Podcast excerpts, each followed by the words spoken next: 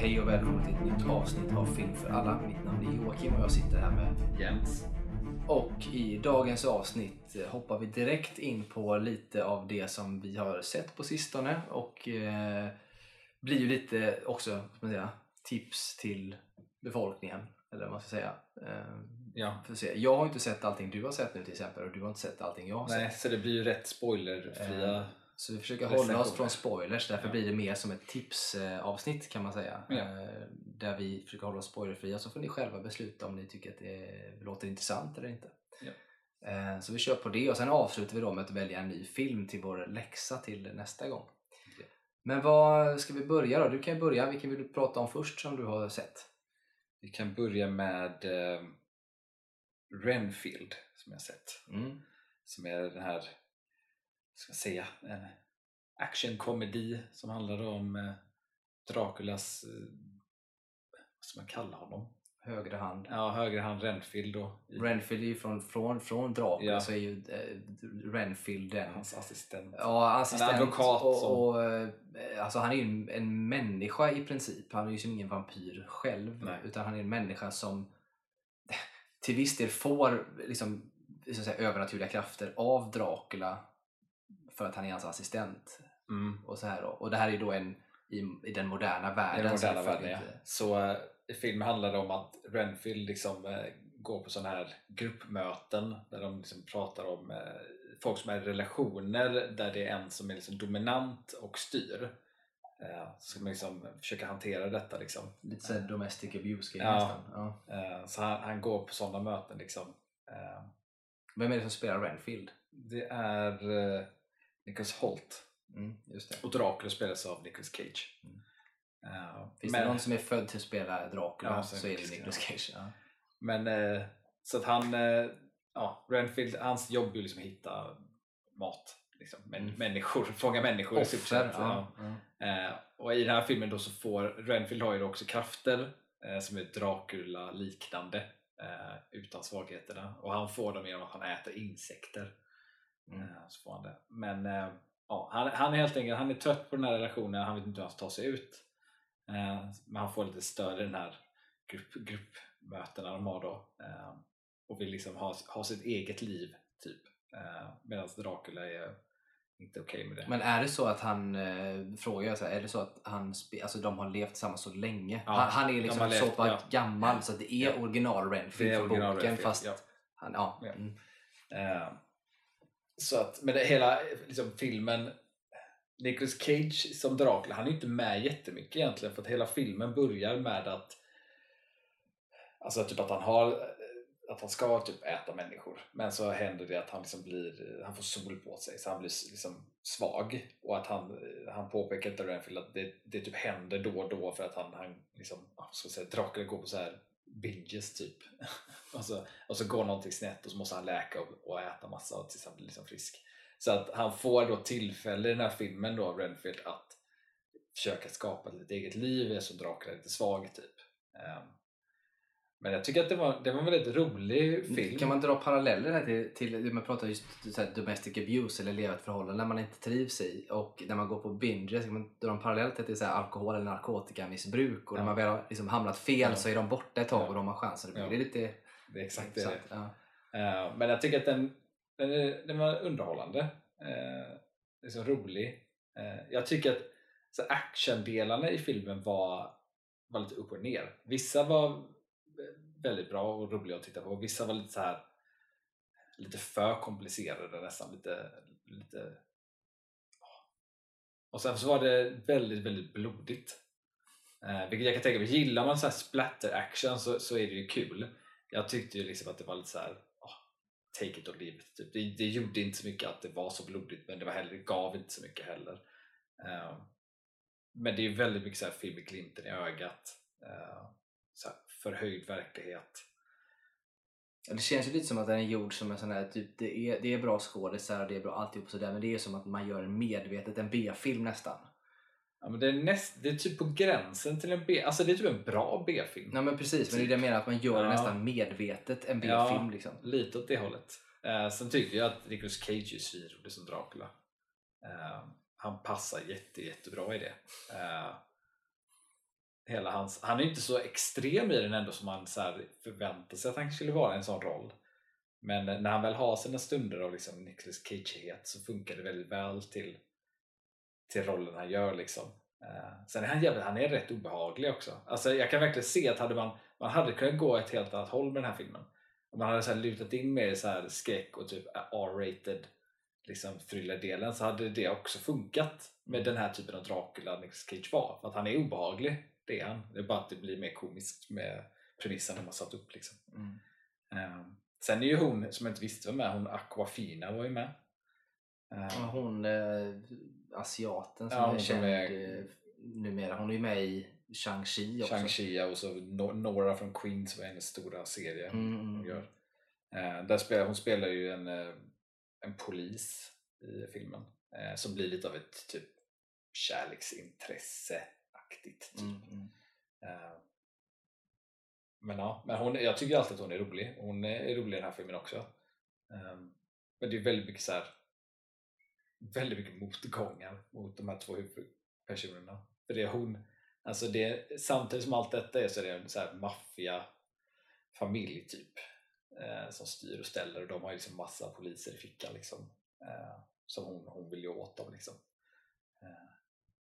Men ja, nej, men det var en, en underhållande och rolig film. Jag eh, gillar man Nicolas Cage ska man ju definitivt se den. Eh, gillar man splatter action blod så ska man också definitivt se den. Eh, jag tror till och med, har man lite svårt för Nicolas Cage tror jag att man nog ändå tycker att det är en rätt rolig film för att han är inte med så mycket. Eh, och att han är lite, alltså, han, lite nedtonad men funkar väldigt väl när han är där liksom. Mm. Då det nästan blir så här, det finns ju ändå, jag tänker mig att det är ju ändå man brukar prata om att det finns Arnold Schwarzenegger-rullar, de är nästan en kategori för sig. Det börjar nästan hamna där att Nicolas Cage-filmer är liksom nästan en kategori för sig. På något sätt. Sen så tycker jag ju generellt sett att Nicolas Cage-filmer eh, genremässigt, förutom det, spretar mycket mer än vad en Arnold-film gör. Eh, för där kan, det finns ju allt från eh, drama, komedi, B-film, skräck, science fiction. Alltså på Nicolas Cage. Arnold, där är det typ actionkomedier i princip. Eller action i alla Mm. fall.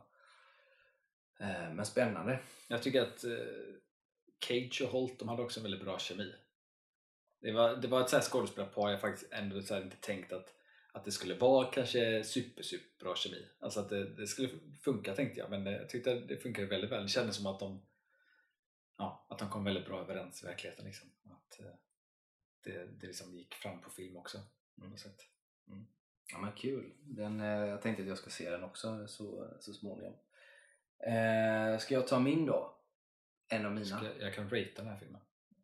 Ja, jag kommer inte våga ratea mina tror jag. Jag kan, jag kan rata Men ratear du? eh, en eh, sexa. En stark sexa. Det är ändå rätt okej. Det är ändå rätt bra. Eh, bra, ska jag ta min eh, film då? Jag kommer ju prata om en film och en serie. Serien har jag inte sett färdigt än men jag kommer prata om den i alla fall. Men filmen har jag sett och det är ju eh, Still som den heter. Eh, då eh, den dokumentären som handlar om Michael J Fox. Eh, och den heter ju Still för att han har ju Parkinsons sjukdom Mm. och eh, kan inte vara still.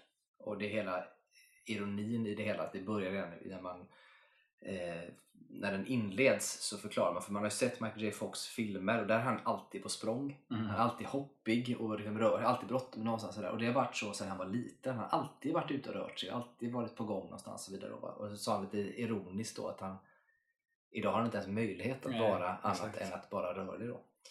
Ehm, Men sen så tycker jag att den är bra för att den inte pratar. Alltså den pratar ju såklart om Parkinson och hela den biten också. Men det är liksom mer fokus på hans karriär. Och det är Mm. klart att det ligger, alltså Parkinson ligger mer som, som ett ramverk för livet nu och hur det, hur det liksom tedde sig fram till. Men man får också se hur han kom till att bli den han blev. Han fick sin första roll och relationen med hans eh, pappa framförallt upp och sådär. Ehm, Jätte, jättebra och fin film tycker jag, dokumentärmässigt. Och han är ju ingen som lägger sig ner och gnäller över hur saker är Mm. eller sådär. Utan han, han är liksom på och vill göra saker bättre och, och kämpar och sådär. Men man får ju också se vissa moment eh, i, i, i dokumentären när han bara ska ut och gå till exempel. Så ser man att det är inte så jävla lätt att gå Mm. Eh, det är lite det här att det är svårt att hålla sig still. Så att när man ser att när han går och ska försöka vara så normal, bara hej hej och gå, och gå vidare. För att han har alltid varit ganska snabb när han går och går på ett visst sätt. Han får upp sån jävla fart då och kan liksom inte stanna sig själv. Så att han har ju sån här rehab-snubbe med sig som säger bara Mm. ta det lugnt. Liksom, vä- vänta nu, vet, hitta din balans. Och försöker han gå där. Och det, han har ju brutit du vet, händer. Han eh, berättar i dokumentären så har han mellan två intervjuer tror jag eh, liksom slått i huvudet och, och pajat okbenet under ögat. Så han liksom, liksom slagit in spik under. Och, ehm, och han bryter, bryter saker hela tiden och folk så här, liksom säger att ja men ja, det, det är liksom eh, synd eller du får liksom vara försiktig, ta det lugnt. Och han säger att liksom, äh, det är inte synd om mig och det, det är inget jag kan hindra. Det är liksom Mm. en del av skjuter jag kommer bryta saker för en del av det är att jag kommer falla ner, tappa min balans eller inte få med sig. Så att han, han köper bara att det är en del av Mm. det är så det funkar för honom. Um, alltså ser man då när han tränar på de här bitarna. Så det är intressant att se. Det är också intressant att se hur man jobbar med Parkinson för han tar ju sin, sin medicin då och man ser ju när han inte tagit sin medicin så, för man har ju svårare till exempel med ansiktsrörelser och Mm. visa att när man lyssnar på någon och man vanligtvis kan le lite eller nicka med och sånt. Det, har, man, har han inte tagit sin medicin så blir han mycket mer liksom, blank i ansiktet. Mm. Man, han kan liksom inte reagera på det sättet. Ehm, Men så fort han tagit den och det går några minuter, 10 minuter någonting, så börjar man se att det kommer igång lite och så plötsligt så får han lite lättare då. Ehm, och det är lite intressant hur han ändå förklarar det då att, att eh, det känns som, han brukar säga det till folk när de frågar hur det är med honom, så säger han så här, waiting for the bus. Liksom, då har han väntat innan medicinen tar. Ja, ja, ja. Eh, och han förklarar det också som att när det väl börjar verka, frågar hur känns det när det, börjar verka? Så säger han ju också att det är som att, eh, alltså att det är liksom, något sätt att pours eh, back to himself, alltså i- in, Mm. his, in the form of himself. Som att han inte är det innan, men så får han det här så är det som att ja, tillbaka till han själv när han tar Mm. sin, sin medicin då och får vara lite mer den han är då. Och, och det är ju på många sätt så, så är det ju en jävligt jobbig sjukdom. Eh, Mm, så. Och, det, och det kan man ju tycka att ja, men skaka lite är väl ingen fara och så vidare. Och så där, men det, det är inte bara det. Det är ganska mycket svårigheter att gå, det är svårigheter Ja. att prata. Eh, han, det också märks väldigt tydlig skillnad på när han inte tagit sin medicin ordentligt och när han har tagit den. Att han, det är mycket mer mumlande röst när han Mm. pratar utan medicin till skillnad från med med- medicin. Ehm, och sådär. Så att det, det, det, det, det är ändå häftigt att se att han kämpar på. Sen är det ju också det att i alltihop så gör han har ju ont konstant. Mm. Eh, och det är ingenting, så alltså, då frågan som är varför säger du inte att du har ont? Ja, men det kom inte upp, det har inte kommit på tal. Mm. Jag ska sitta här och gnälla typ. Mm. Eh, men det gör väldigt ont så man får se lite bitar av det också för att det är som sagt inte helt lätt. Eh, med det sagt så är det ju, alltså den biten är ju oerhört gripande såklart men sen är det ju intressant att se karriären liksom. Hur det Mm. gått från, från när han fick sin första stora roll i Family Ties och blev Alex P. Keaton med liksom hela folket och sen alla filmer som kom därefter och, eh, och sånt som han har gjort. Och, eh, så att man, det liksom, jag älskar Michael J Fox, alltid tycker Mm. han är så jävla bra överlag. Ehm, så den, den delen är kul att se och hur, hur så här, jävla drygt han hade när han skulle slå igenom. Han bodde i en sån här studio apartment, eh, typ superliten i slummen i, ja, det var väl Beverly Hills slum, så jag vet inte hur mycket slum det är, men det var rätt slummigt ändå. Eh, du vet, fick sälja av möbler, liksom. Mm. en sektion av soffan i taget för råd. Hade liksom ett pyttelitet badrum, eh, en kokplatta, ingen disk. Eh, ho, så. Nej. Han hade liksom bara handfatet så att han ställde ner disk där och så Mm. diskade han sin disk samtidigt som han duschade på morgonen. Och han Mm. sa att han hällde head and shoulders på disken och tvättade av den. liksom. Och så sa han att här, McDonalds, alltså Ronald McDonald sa han var liksom my benefactor när det kom till mat på den här tiden. För det var billigt och det var liksom det han fick i sig då. Eh, och sådär. Och hur jävla, för det var verkligen på håret. Han var på väg att nej, men det här kommer ju inte funka. Och så drog han då och så fick han till slut det här gigget på Family Ties då som Alex B. Keaton. Och, så, och där någonstans så, så lossnade det då.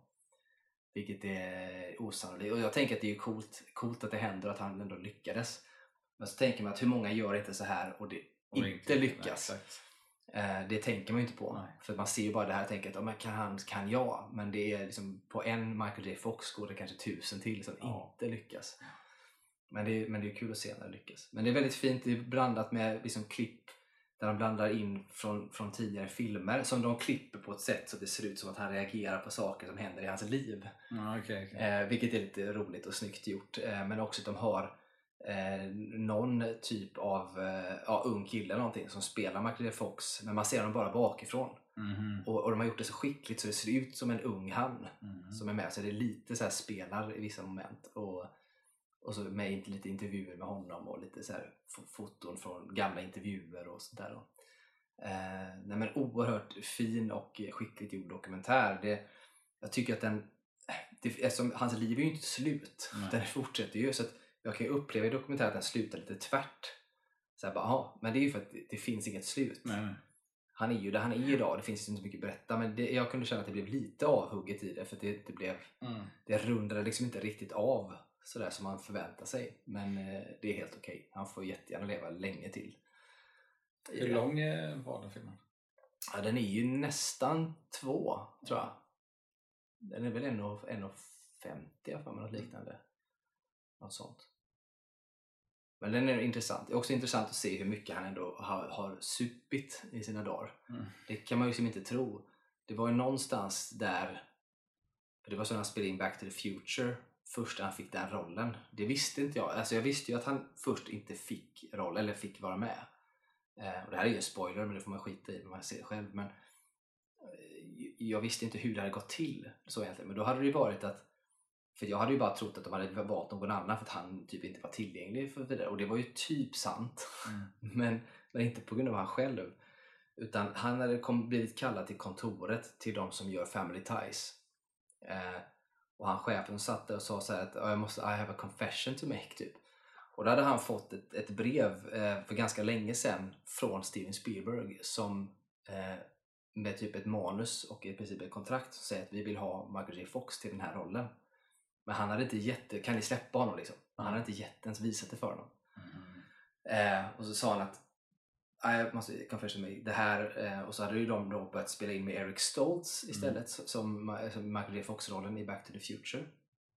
Eh, men märkte att det inte funkade. Men där någonstans så sa ju producenten okej du får göra detta. Eh, vi, jag släpp, kan släppa det här men du får inte missa en dag eller en timme alltså Nej. inspelning på Family Ties. Vilket gjorde att då på morgonen så kom det en snubbe och hämtade honom liksom vid typ nio tiden Körde honom till Family Ties där han spelade in eh, på dagen. Eh, när det var klart så kom en ytterligare snubbe, så här, eh, driver då, hämtade honom, körde honom till Back to the Future där han spelade in den dagen. Eh, spelade in där, sen ytterligare en tredje snubbe körde honom hem på typ sent på natten och så vidare då. Och sen hade han då tre timmar, fyra timmar sömn kanske Mm. innan den här samma person, ett som kommer hämta honom, kommer tillbaka till honom hämtar honom och så gör man det här och det höll på då i kanske ett par månader Mm. något liknande.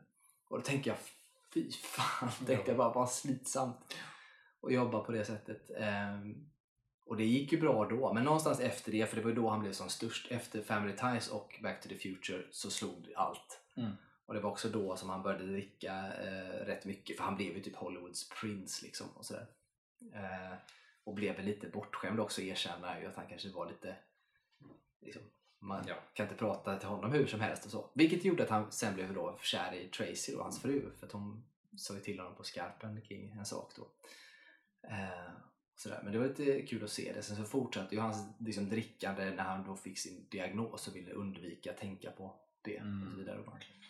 Eh, men där får man ju se hur mycket hon har betytt och så vidare. Men sjukt eh, bra så sätt. Jag kan inte säga så mycket mer om den egentligen mer än att den är jävligt sevärd.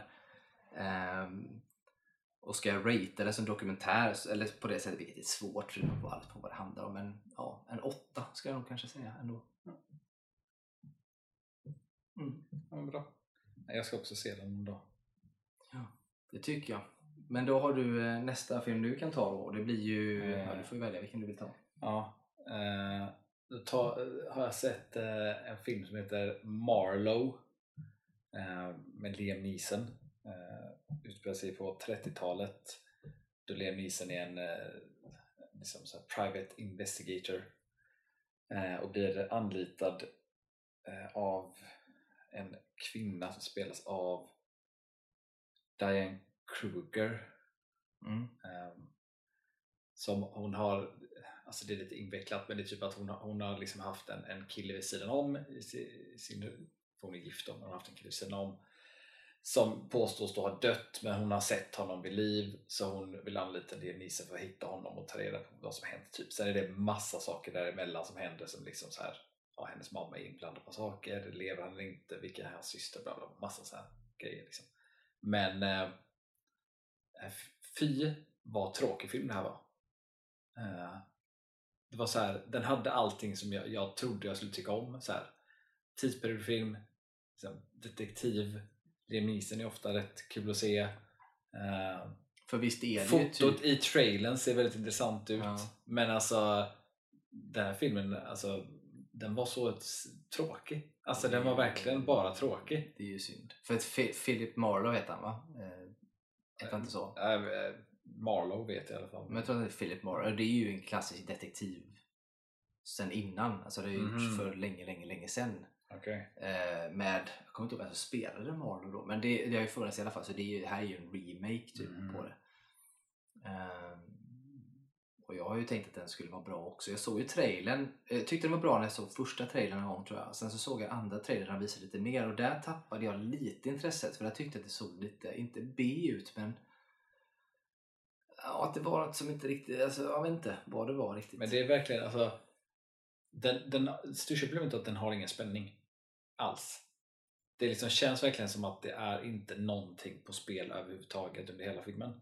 Mm. Eh, och att hans del i hela det här är liksom väldigt, ofta är det ju i sådana här detektiver att, att de blir inblandade personligt på ett eller annat sätt. Liksom. Vilket han blir delvis, men han håller sig också hela tiden liksom, en armlängd ifrån allting hela tiden. Så att han är liksom inte man känner inte att han är i något hot direkt och det känns inte heller som det är någonting på spel över ja, men okej, han hittar honom eller inte hittar honom, vad har det för betydelse för någon? Det, den var jättetråkig. Alltså, jag var så förvånad över det. Det fanns ingenting som var så här, jag satt och undrade så här, vad händer nu? Utan det var bara så här, det var som att det, det rullade på men verkligen så här, kändes som att de inte visste vart det skulle alls. typ. Uh, ja, väldigt, väldigt bara konstig på något sätt film. Ja, jag tyckte när jag såg trailern så vet jag att det störde mig lite grann på för jag vet ju att Marlowe är en sån här gammal klassisk detektiv, typ noir-aktigt från mm. början. Mm. Um, och där jag tänkte att ja, men det kan vara lite coolt och så, men så såg jag trailern där det kändes mer som att Liam Neeson var Liam Neeson, alltså så här Taken-aktigt och liksom, liksom slog på folk massa sånt. Och ja, nej, det, det, det, gör han, det gör han inte så mycket. Det är vissa sådana här att han hamnar i typ bråk, det är det och det känns väldigt så här tvingat när det händer. Och samtidigt så är det, när det väl händer så är det väldigt kort. Och så är det så här, alltså man ser att han är gammal. Alltså det, det är liksom väldigt så mycket, det är som att de har ju valt då att, att man ska se att det är han. Vilket gör att det blir begränsat. Alltså han kan inte göra mycket som helst. Så att när han väl hamnar i någonting så blir det lite, jag får lite så Steven Seagal-känsla över att allt är lite för enkelt. typ. Um, han är lite för bra typ. Uh, och det blir så här, okej, okay, jag fattar inte riktigt varför de har med det. För att det behövs liksom inte.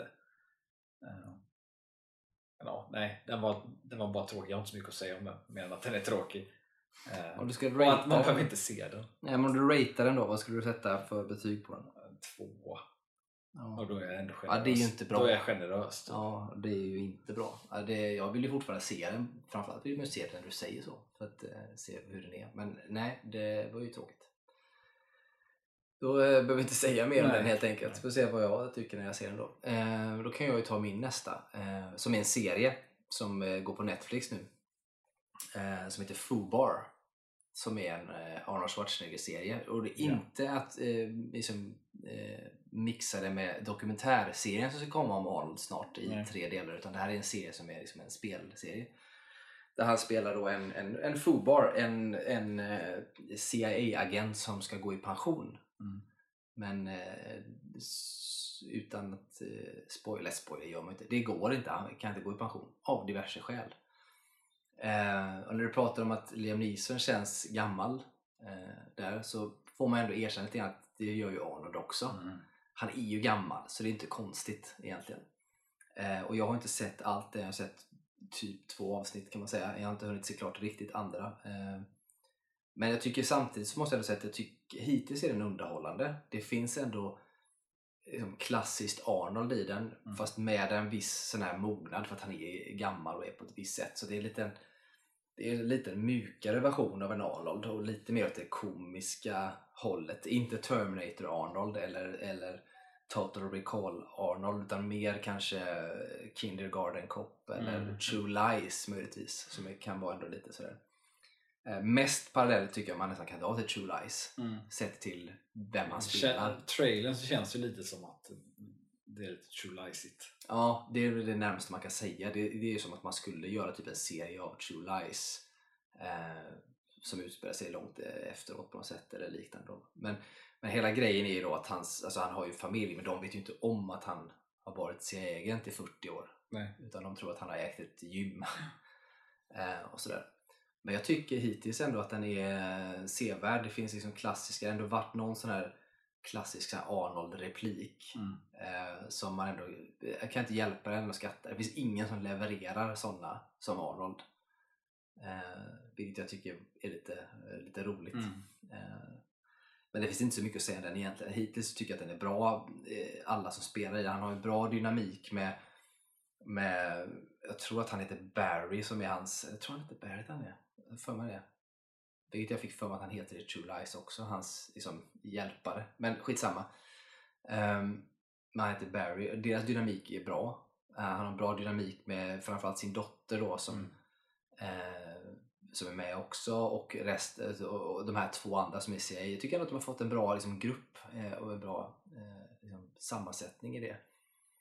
Eh, och premissen är, man kan tycka att det så många saker är ändå lite så här, vad ska man säga, lite löjligt och kanske lite väl otroligt att man skulle göra eh, saker på CIA på ett visst sätt. Eh, när han ska typ, de, liksom, utan att säga för mycket, ska han gå till en psykolog där och det är så sätt som den psykologen jobbar är väl kanske inte så troligt att man gör. Men, Mm.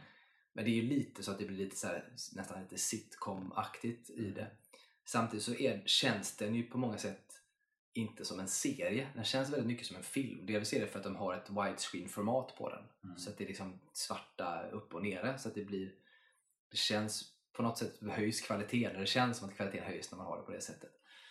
Ehm, och sen tycker jag ändå stakesen är rätt, är rätt liksom höga och, och, och förståeliga. Och, eh, nej, de bygger ändå upp det intressant och den är helt klart liksom underhållande och sevärd. Och även om han känns gammal för, och sen i vissa moment som han gör så tänker man att det, det är inte han som gör dem. Det är ju Nej. uppenbart att han inte kan göra det för att han är, han är för gammal Mm. för spel helt enkelt.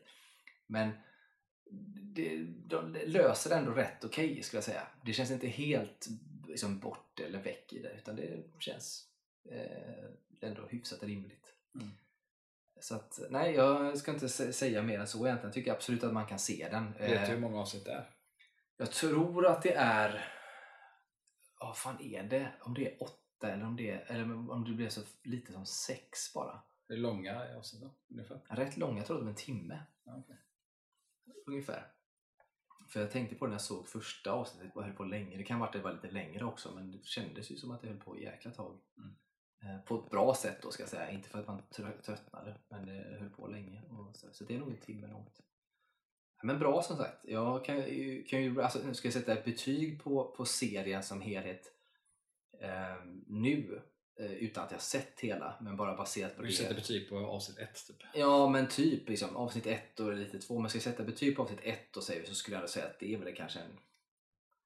Alltså det är så svårt. Alltså för mig, om man ska jämföra True Detective till exempel som kanske är en av de mest briljanta serier jag sett säsong ett. Den, den, kanske, den är snudd på en tia. Alltså 9-10 någonstans. Detta är kanske en...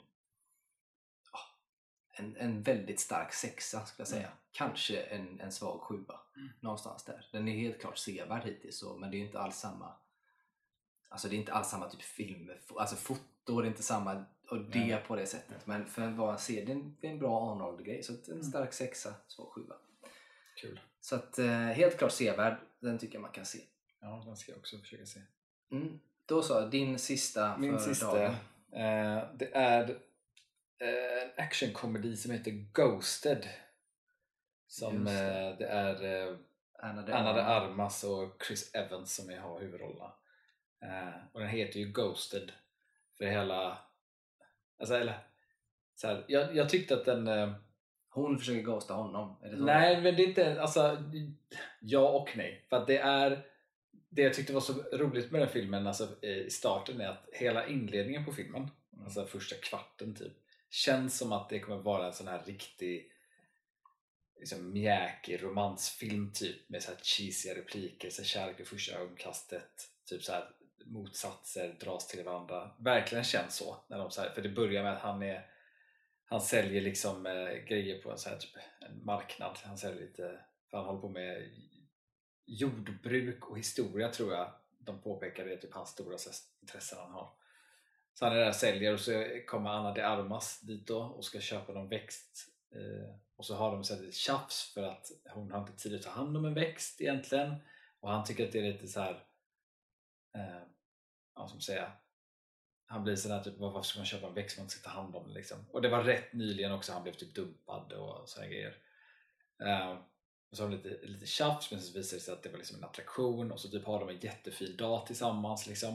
Uh, verkligen såhär super cheesy eh, och sen så går eh, och han, han då bor, han bor hemma men det är för att hans, så här, hans pappa skadade sig för massa år sedan så han har hjälpt till på gården men sen så har han bara fortsatt vara där och hjälpa till liksom, och skjuter upp saker, liksom, lever inte sitt liv typ. Eh, och där är ju då hans syster som också är där som påpekar liksom hur, hur, hur han fäster sig för lätt vid folk typ. Eh, och vid tjejer och sånt och det var därför hans ex gjorde slut typ. Och så börjar det med att han eh, han börjar ju då skicka så här, sms till den här Anna de Armas då, dagen efter. De har eh, legat med varandra liksom den här dagen de hade och så svarar hon inte, så skickar han igen, så svarar hon inte liksom. och så ser man då en liten så här sekvens av att han har skickat hur mycket som helst utan svar där kommer ju då titeln Ghosted liksom. hon, hon, hon verkar ghosta honom men så är det ju då att hon har ju sagt att hon jobbar som eh, art dealer tror jag och att hon skulle iväg till London hade hon sagt och då är hennes, så här, för, hans föräldrar är så här jättemysiga föräldrar och de är så här, men det förklarar varför hon inte har svarat liksom. så blir han liksom lite övertalad till att åka, åka till London och överraska henne då. Ehm, så han gör ju det, han åker dit. Men när han åker dit, det är ju där filmen vänder. För att eh, där så blir han kidnappad. Ehm, när han eh, försöker hitta henne då. Och så visar det sig att hon är inte en art dealer eller hon är inte en art dealer utan hon jobbar för, jag tror det är CIA ehm, så hon är agent liksom.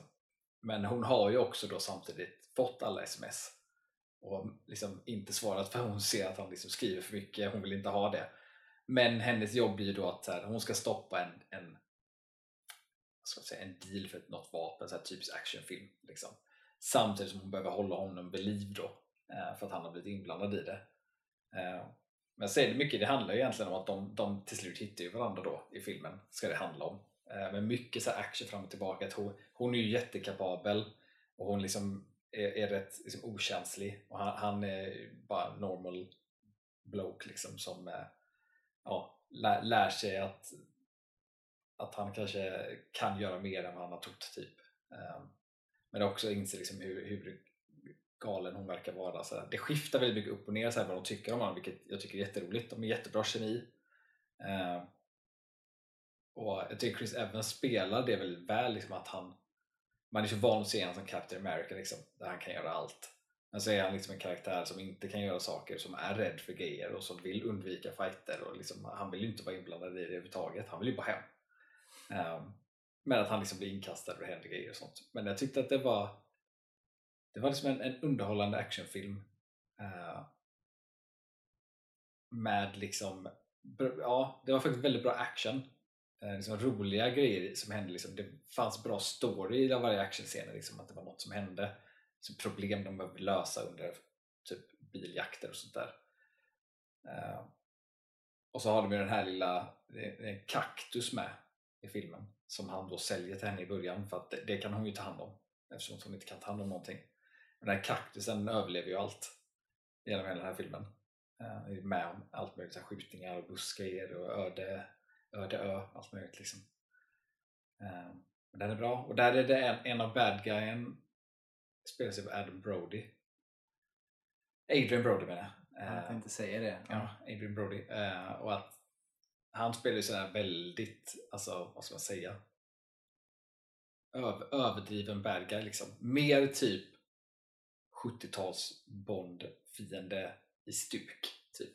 Mm. Um, än vad man ska liksom kanske räkna med. Så att, eh, filmen har ju också samtidigt den glimten i ögat att den vet att den är liksom en actionfilm.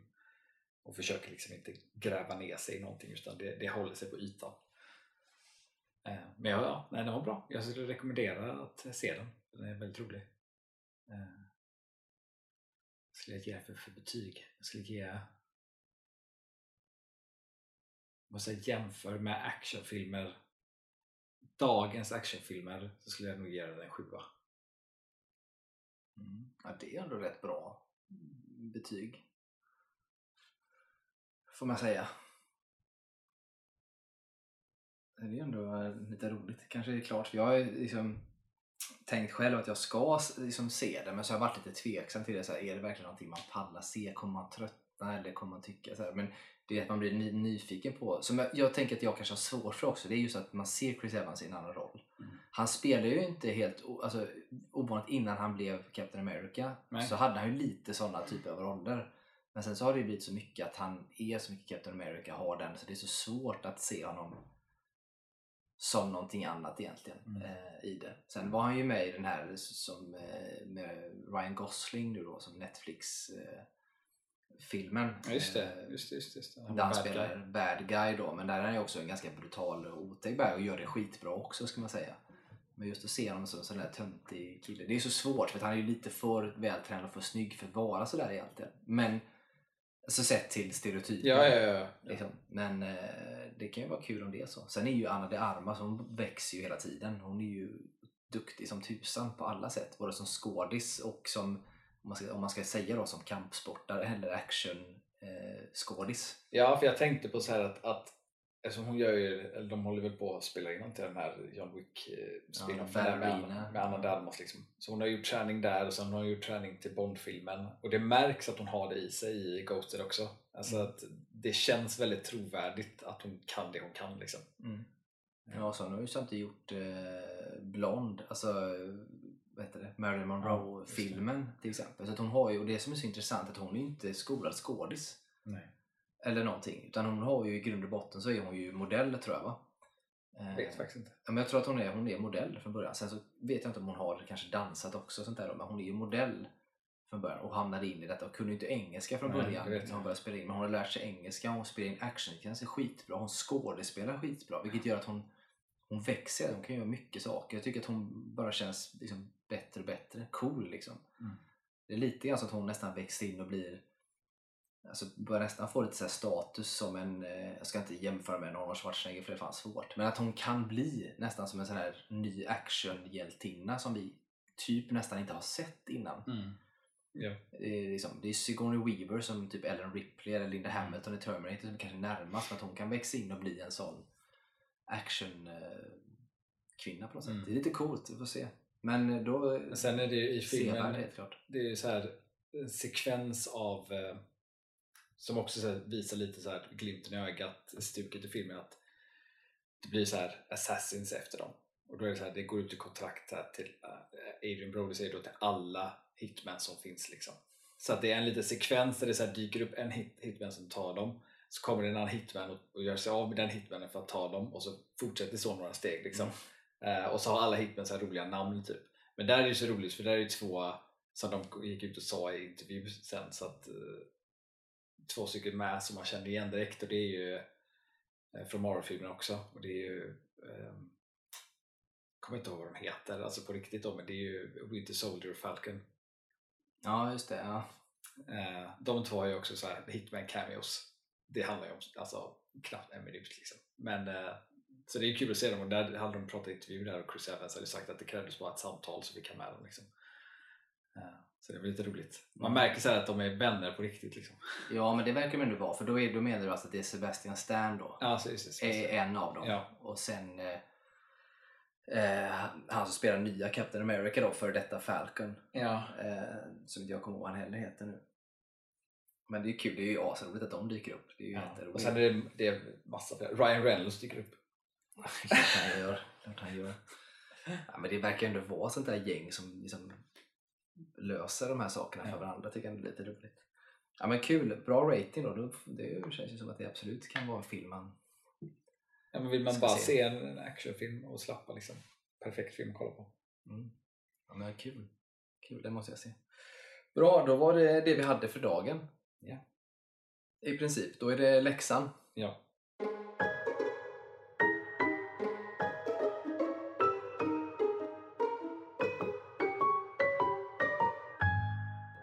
Då kan jag avslöja nu då, nu har jag suttit här och eh, randomisat en film och denna gången så blir det filmen The Rainmaker.